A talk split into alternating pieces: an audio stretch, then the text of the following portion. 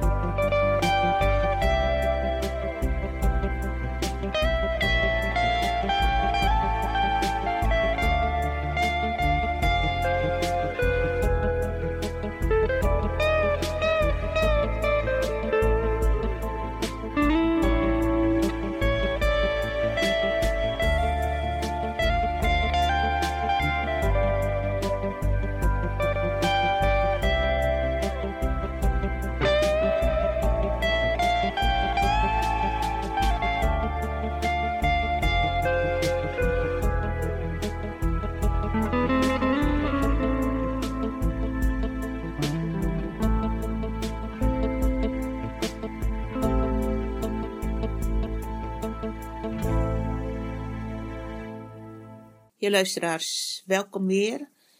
Het tweede uur van Radio Surimama, zondag 31 januari 2021. Ja, ik wil nog even opmerking maken. U heeft net geluisterd, het eerste uur, naar een opname van een medium die mij vertelde van waar de drijfveer komt om zo bezig te zijn met de Native Amerikaanse wereld, de levensfilosofie, de cultuur, de geschiedenis, de spiritualiteit, etc. Hij gebruikt nog wel het woord Indiaan. En ik kon dat niet meer veranderen, want het is 10 tot 15 jaar geleden opgenomen. Die meneer is waarschijnlijk ook overleden.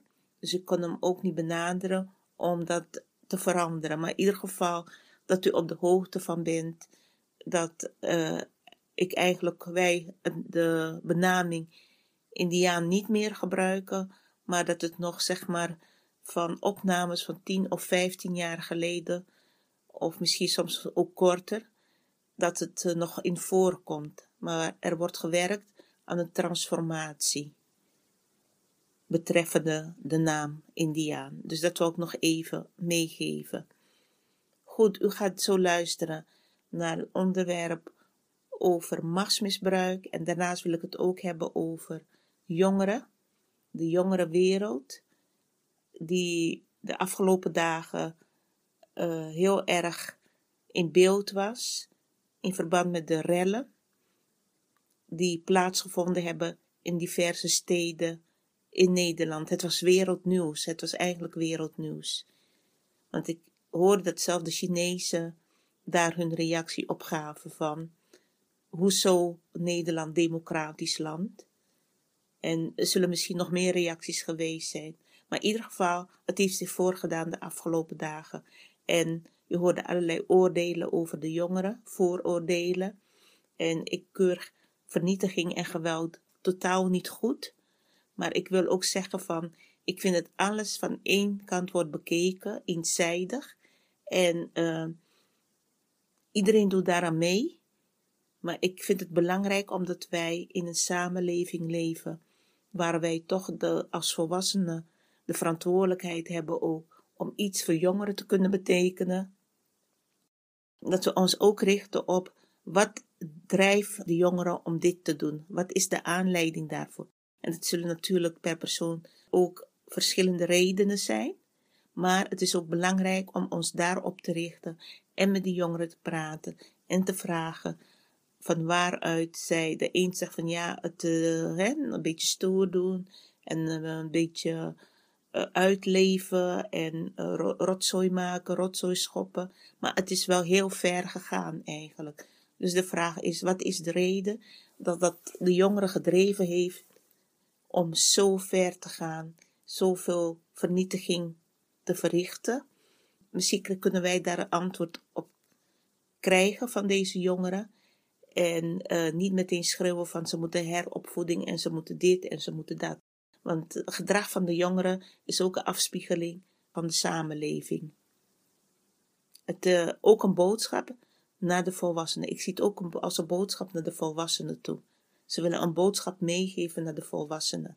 En ik heb ook ergens een reactie geschreven op meerdere nieuwsbronnen. Heb ik een reactie geschreven van: Wacht even, waarom voeden jullie de jongeren ook dagelijks met geweld en misdaadseries op de televisie? Zoveel geweld, films of series, misdaadseries te zien. Elke avond weer, waar veel bloed valt, waar er geschoten wordt, waar criminaliteit wordt uitgehaald. En van alles en nog wat. En, maar daar kijkt men niet naar, in feite van moeten we ook niet al anders zelfreflectie doen vanuit de media. Zijn we wel goed bezig? Hebben we ook niet de verantwoordelijkheid daarin? Denk daar goed over na en onderneem actie en zend geen geweldfilms uit, misdaadseries, als jij een goede, als je goed gedrag. Ik ga niet zeggen dat alles van daaruit komt, maar het is wel een onderdeel van waar de media zijn of haar verantwoordelijkheid ook in kan nemen om niet elke avond of eigenlijk helemaal niet geweld- en misdaadseries uit te zenden waar de jongeren zich mee kunnen voeden. De ene jongen is ster jongere is sterker dan de andere. De andere die kan er dagelijks naar kijken en dat gaat in zijn hoofd spelen. En op een gegeven moment gaat hij dat ook uitvoeren. Dus denk aan uw verantwoordelijkheid ook, mediawereld en natuurlijk ook ouders. Hou dat in de gaten met uw kinderen.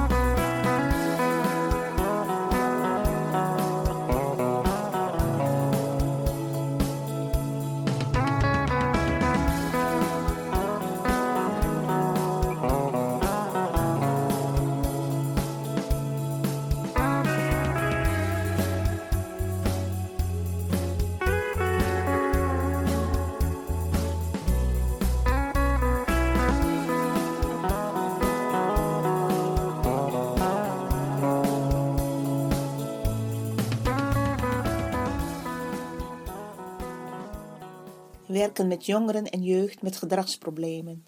Bron zonneveldopleidingen.nl Steeds vaker hoor en lees je over jongeren en jeugd met gedragsproblemen. Zij gedragen zich agressief, spijbelen, pesten, blowen, stelen enzovoort. Of trekken zich juist terug, mijden sociale contacten, zijn angstig en of kampen met een depressie. Wordt er niet ingegrepen, de kans bestaat dat dan jongeren zich minder waardig gaan voelen en zelfs ontsporen. Bijvoorbeeld vroegtijdig school verlaten, te lage opleiding volgen, geen baan vinden of misschien wel in de criminaliteit belanden. Vroegtijdige begeleiding kan heel veel leed voorkomen. Als jongerencoach kun je daar een belangrijke rol in spelen. Door probleemjongeren te helpen, te steunen en te stimuleren naar een positieve toekomst. Dat jeugd probleemgedrag vertoont kan allerlei oorzaken hebben. Zo kunnen er bijvoorbeeld strubbelingen thuis zijn, zoals een echtscheiding, mishandeling, een verslaafde ouder of een ernstig ziek familielid. Ook in aanraking komen met politie of loverboy kan een reden zijn. Of verkeerde vrienden hebben, drank- of drugsgebruik, door jongeren gepest worden op school enzovoort. Allemaal zaken die ervoor kunnen zorgen dat jongeren niet meer lekker in hun vel zitten het gevolg daarvan kan zijn dat jongeren zich anders gaan gedragen, stoer doen, agressief doen, regels aan hun laars lappen, spijbelen van school, in hun schoop kruipen, depressief worden en dergelijke. Kortom, ze vertonen gedragsproblemen. Wordt er niet tijdig hulp en of begeleiding aangeboden, Dan kunnen jongeren uiteindelijk flink ontsporen met alle gevolgen van dien.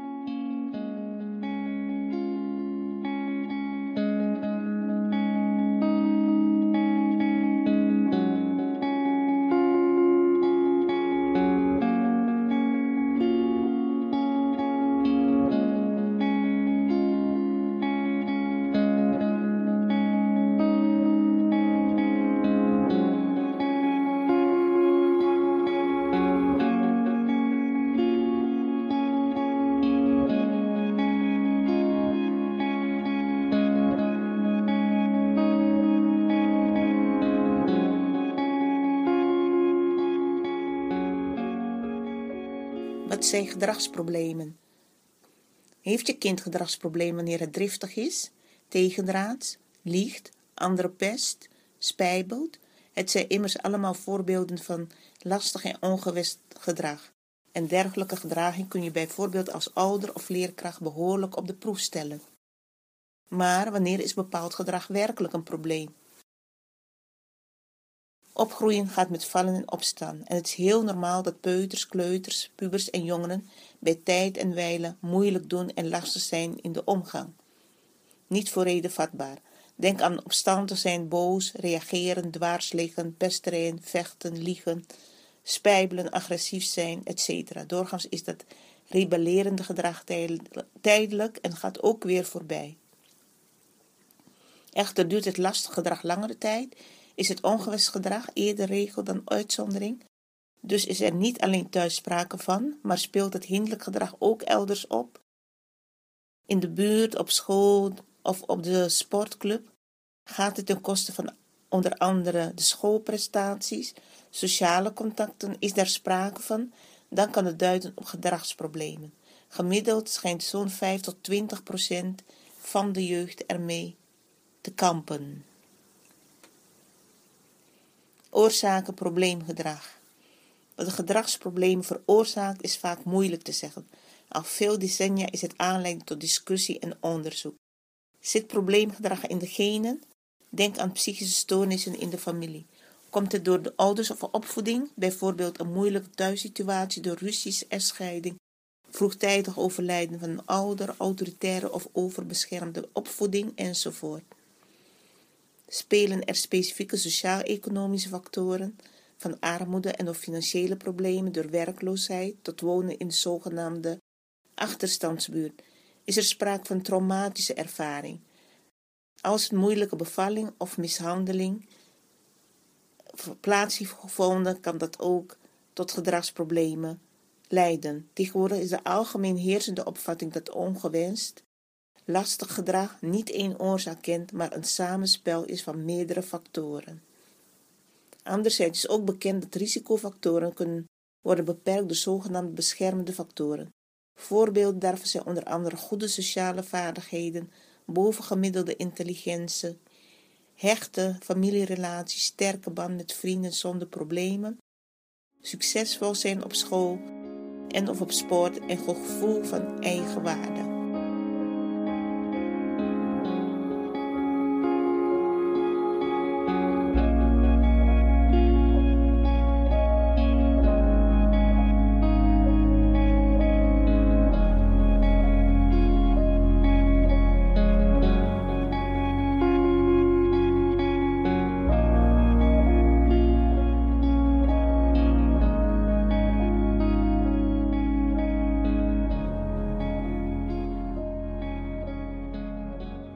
uh, vorige week in de uitzending gehad over uh, als, een,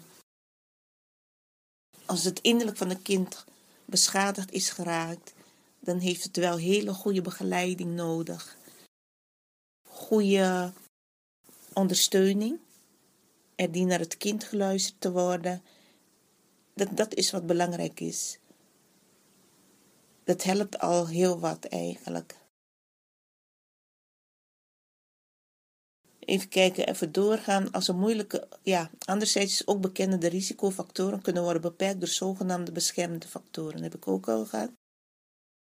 Behandeling van gedragsproblemen. Indien er sprake is van gedragsproblemen bij een kind, dan drukt dat een enorme stempel op onder andere het gezin. Niet alleen vergt het veel geduld en energie van de ouders, maar ook van, voor broers en zussen is het niet makkelijk. Daarnaast ondervindt ook de omgeving als school, buurt en dergelijke er vaak hinder van. Gelukkig is er tegenwoordig hulp voor zowel gezin als kind. Eveneens kan ook de school hierbij worden betrokken. Wat betreft de behandeling die wordt toegespitst op het gezin plus het ervaren gedragsprobleem. Zo kan het hulpaanbod onder andere bestaan uit het begeleiden van gezinnen bij de opvoeding. Denk aan de opvoedkundige adviezen en oude trainingen in positief opvoeden en zorgen voor structuur, maar ook cognitieve gedragstherapie voor het kind in hoe omgaan met bepaalde situaties. Verder kunnen ook gesprekken en individuele therapie onderdeel uitmaken van de behandeling. Vermoedt u dat uw kind een gedragsprobleem heeft? Schaam u dan niet om hulpverlening in te schakelen. Maak een afspraak met uw huisarts of bureau jeugdzorg. Beide kunnen u verder helpen, want met een goede begeleiding kun je de negatieve gevolgen van gedragsproblemen verminderen. Nogmaals de bron zonneveldopleidingen.nl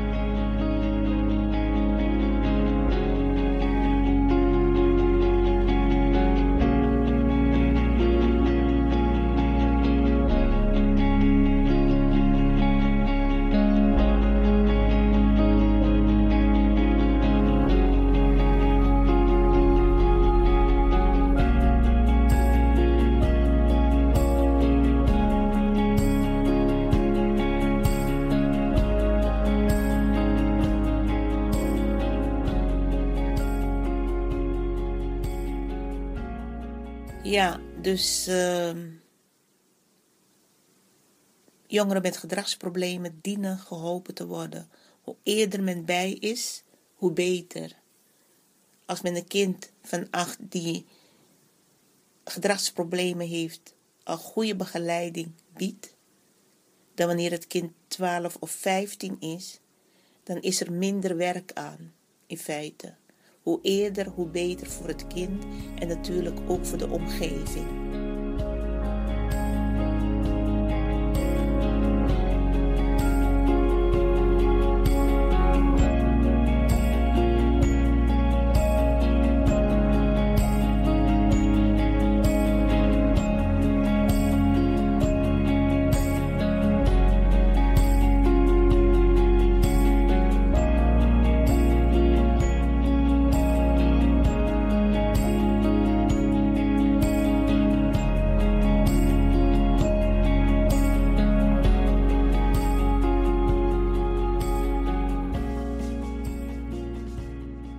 Uit mijn archief Levensinzichten.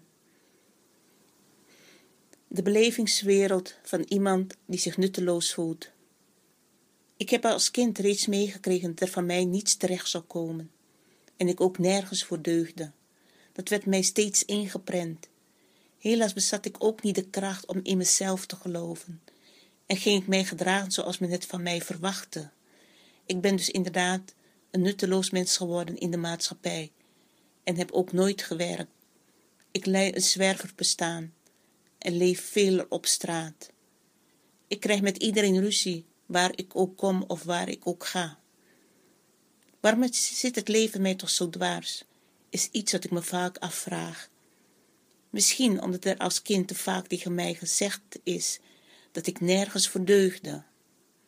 Helaas beseffen volwassenen niet hoeveel woorden invloed hun woorden en gedachten op kinderen kunnen hebben.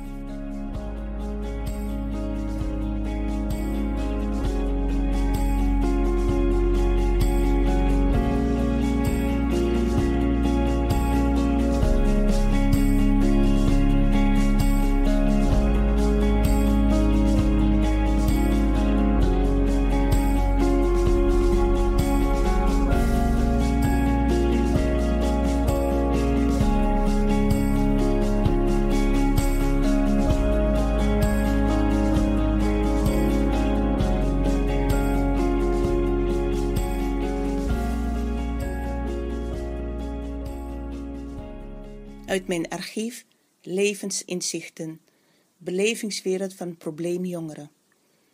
Ik word beschouwd als een probleemjongere, thuis op school en ook op straat. En niemand die zich ooit eens afvraagt wat er werkelijk in mij omgaat. Ze veroordelen maar en veroordelen maar. En ik word steeds maar weer in het hokje van probleemjongeren geplaatst. Van jou komt er toch nooit iets terecht, zijn negatieve woorden die mij al van jongs af aan zijn meegegeven. Doch de belangrijke liefde en aandacht zijn ze wel vergeten mij te geven. Hoe kunnen ze van mij dan nog goed gedrag verwachten, als ze mij aldoor in een negatief daglicht proberen te plaatsen? Op school konden ze mij agressief gedrag ook niet aan en ben ik uiteindelijk maar van school afgehaald. Met de politie ben ik ook al vele malen in aanraking geweest en daar word ik beschouwd als een crimineel. Ik ben soms goed kwaad op alles en iedereen en voel me vaak van binnen ook heel leeg. Hoe kunnen ze mij ooit begrijpen als er nooit iemand echt eens een luisterend oor voor mij heeft?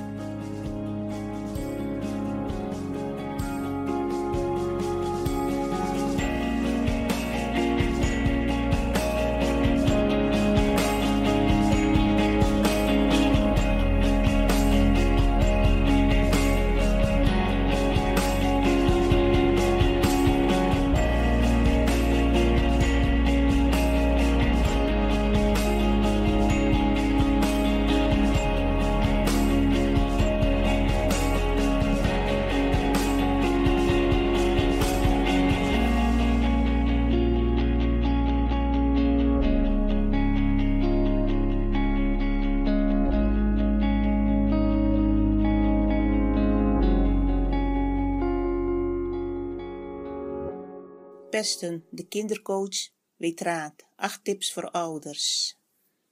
Bron zonneveldopleidingen.nl Als ze je kind pesten, doet dat je als ouder heel veel pijn. Je voelt je boos, verdrietig en machteloos.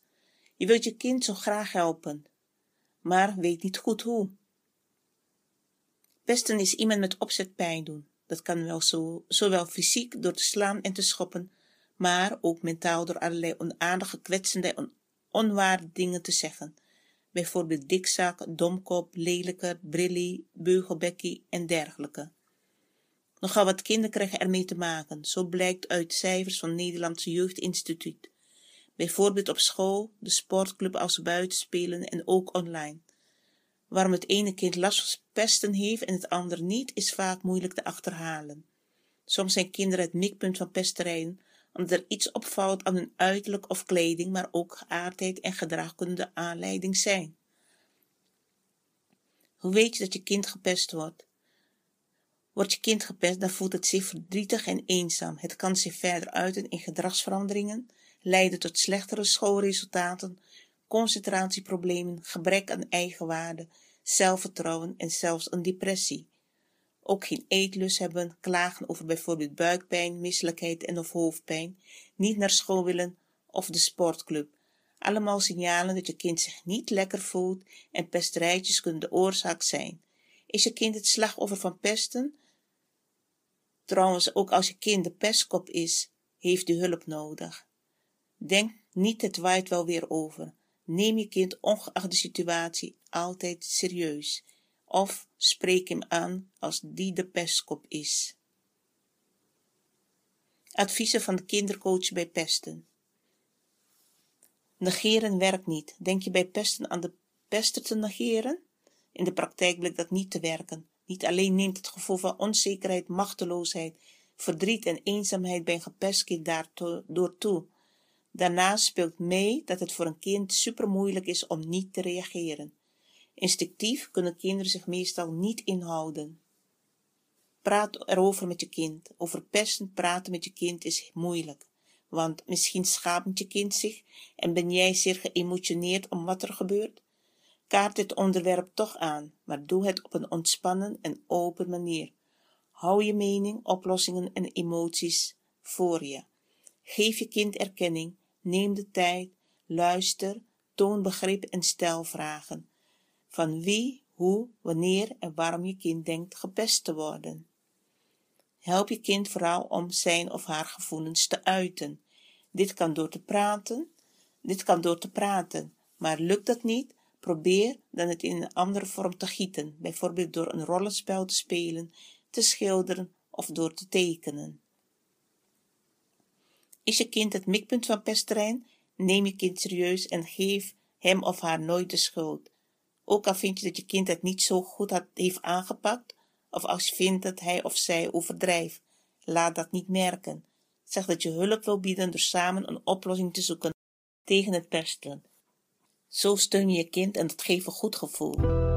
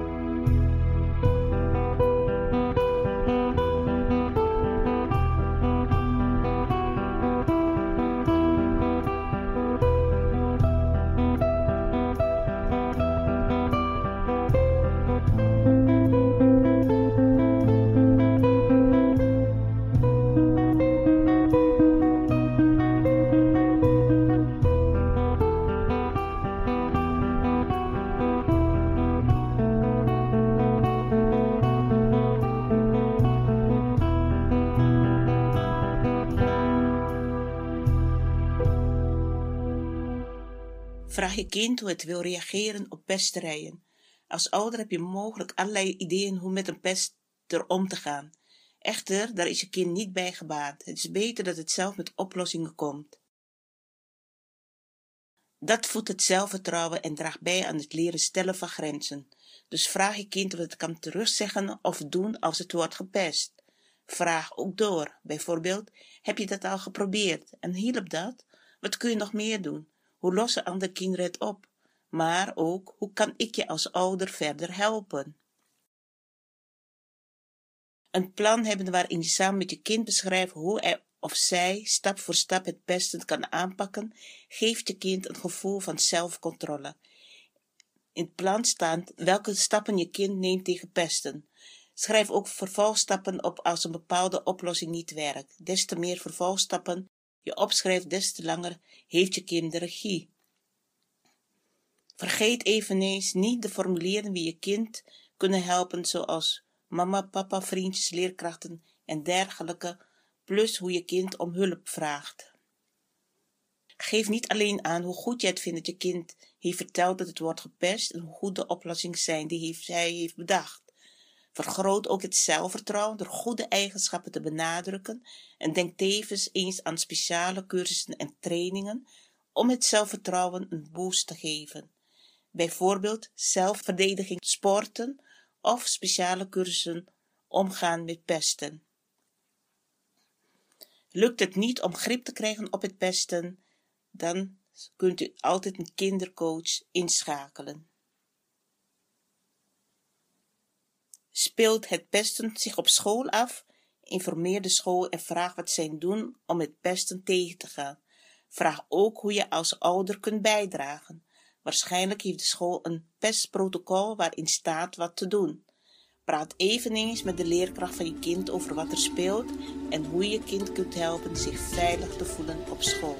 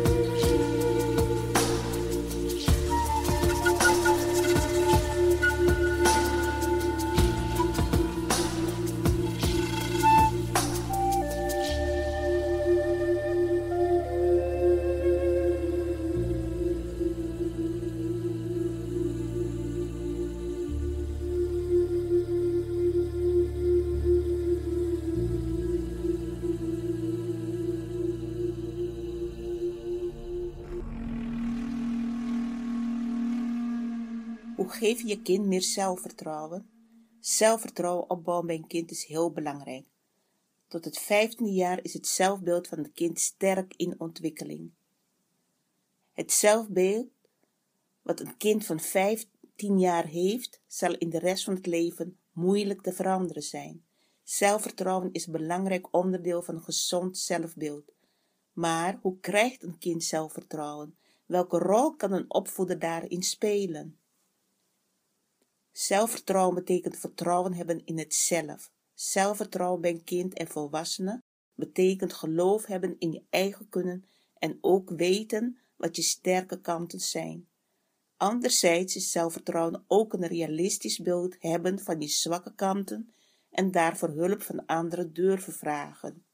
Zelfvertrouwen is weten dat je er mag zijn, dat je iets voor anderen kunt betekenen en openstaan voor de uitdagingen die het leven en de mensen om je heen brengen.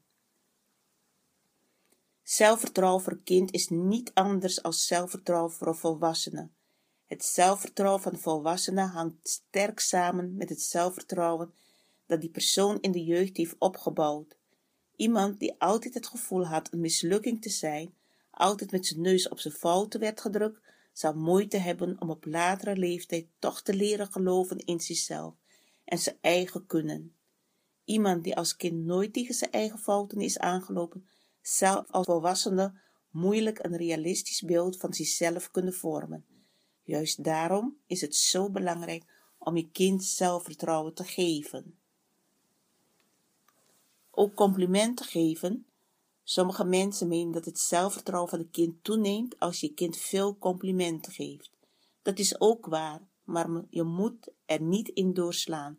Het geeft een kind geen zelfvertrouwen als je zijn oerlelijke tekening enorm gaat prijzen.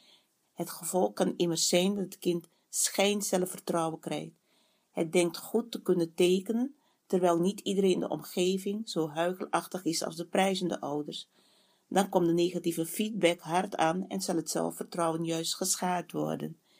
Ik wil even hier in, inhaken over dat een kind een oerlelijke tekening heeft gemaakt en uh, de ouders dat gaan prijzen. Ik ben van mening dat geen enkele kind eigenlijk lelijk tekent. Dat kun je niet zeggen als ouders. Dat vind ik eigenlijk niet zo goed aangegeven.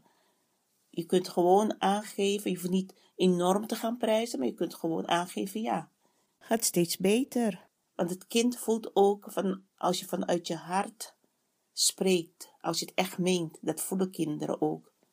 Maar ik vind wel, nooit zeggen dat de tekening van een kind oerlelijk is. Dus dat wil ik even corrigeren hier in dit uh, artikel.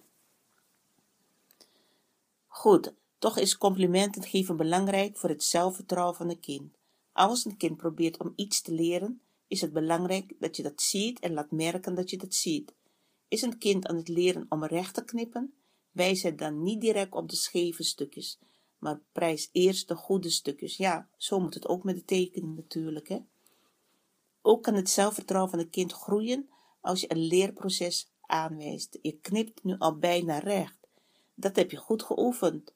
Op die manier laat je wellicht merken dat het nog niet echt goed is, maar doe je dat wel op een positieve manier, zodat je kind gelooft dat het einddoel ook te bereiken is met nog even dooroefenen. Nooit druk leggen op het kind eigenlijk. Zelfvertrouwen door zelfstandigheid. Je hebt als ouder vaak de neiging om je kind voor allerlei gevaren te beschermen. Pijn en verdriet kunnen immers het zelfvertrouwen schaden. Erachter komen dat je iets niet kunt, kan heel demotiverend zijn. Ruzie met anderen kan je zelfvertrouwen ondermijnen. Maar als je als ouder altijd alles oplost voor je kind, zal het zelfvertrouwen juist minder ontwikkelen. Vanaf drie jaar kan het kind zelf nadenken. Stimuleer je kind dan ook om dat te doen. Stimuleer je verlegen kind om zelf hulp te vragen, om zelf dingen te betalen bij de kassen en zelf ruzie met anderen proberen op te lossen. Als een kind dat goed doet, kun je het vervolgens prijzen.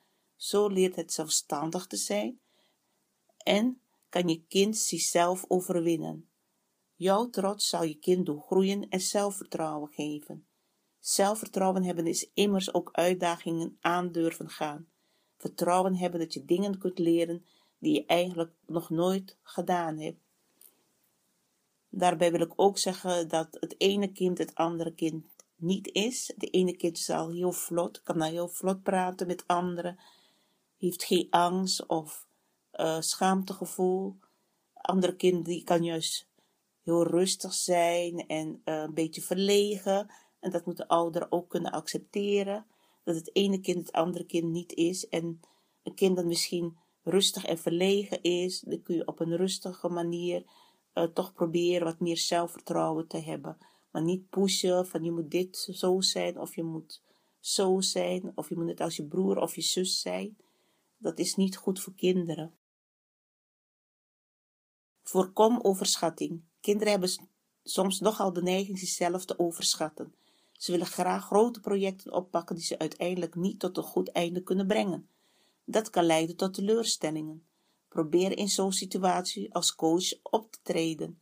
Verbied je kind niets, maar help je kind om realistisch te kijken en van het onhaalbare plan een haalbaar plan te maken.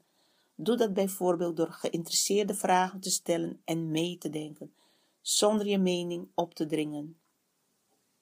Zo zal je kind niet het gevoel hebben geremd te worden.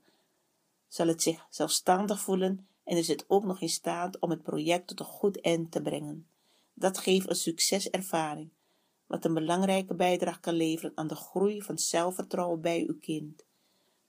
U als ouder en coach kunt het kind dan weer prijzen omdat het project zo goed heeft aangepakt en volbracht. Dus dat is wel heel goed om kinderen al heel vroeg zelfvertrouwen mee te geven. Dat hebben kinderen echt nodig.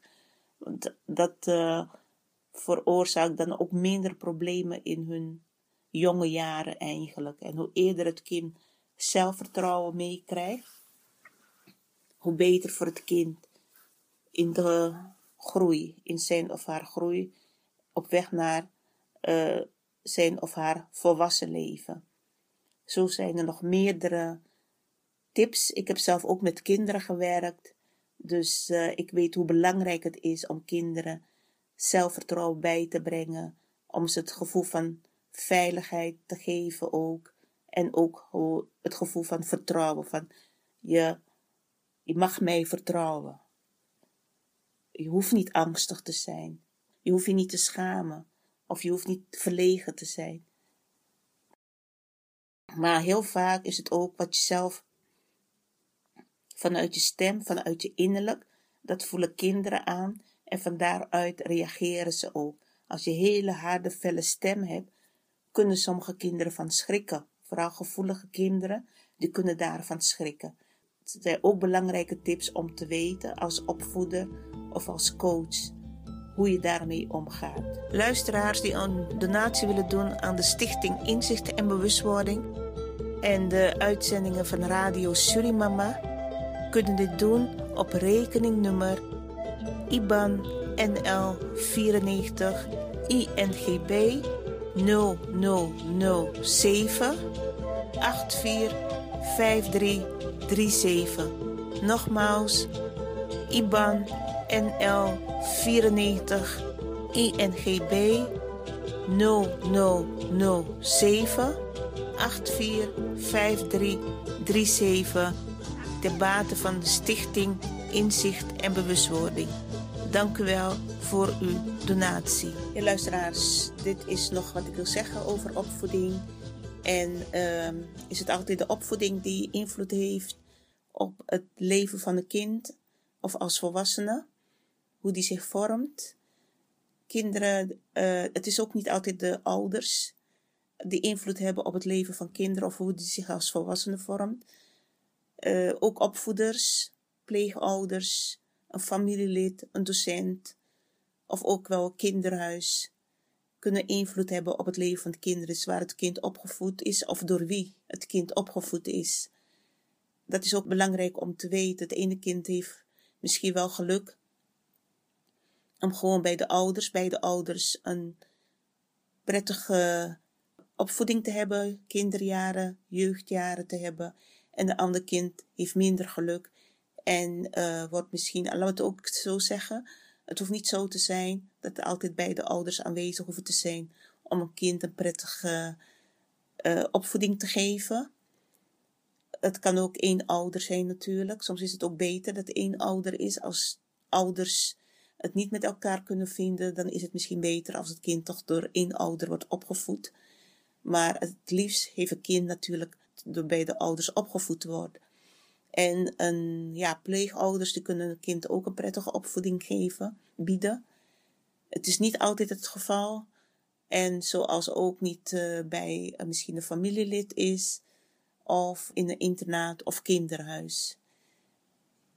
Ik heb mijn kinderjaren grootste deel ook in een kinderhuis doorgebracht. Wat niet altijd even leuk is natuurlijk. Maar ook uh, ben ik bij mijn moeder ook vaak heb ik gelogeerd. Dus het was een beetje om en om. En kinderhuis, dan word je met heel veel discipline opgevoed.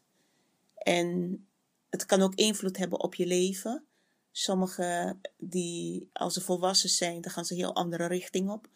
Want ja, het zijn toch andere mensen die jou opvoeding geven. En waar je ook niet de nodige aandacht krijgt en liefde die je als kind nodig hebt. Gelukkig had ik dat wel, merkte ik dat, voelde ik dat wel bij mijn moeder. Dat geluk heb ik wel gehad als ik bij mijn moeder was. Dagen dat ik bij mijn moeder doorbracht, dat ik uh, ja, toch veel warmte en liefde van haar gekregen heb en gevoeld heb. En dat is ook een pluspunt. En haar goede eigenschappen heb ik ook meegenomen. Zij heeft ook bijgedragen hoe ik mij volwassen leven heb kunnen vormen. Vooral met doorzettingsvermogen. Toch ook heel rustig. En ja, vertrouwen hebben. Vertrouwen hebben dat het altijd toch weer goed komt. Die dingen heb ik meegekregen en daarnaast haar uh, mooie spreuken altijd.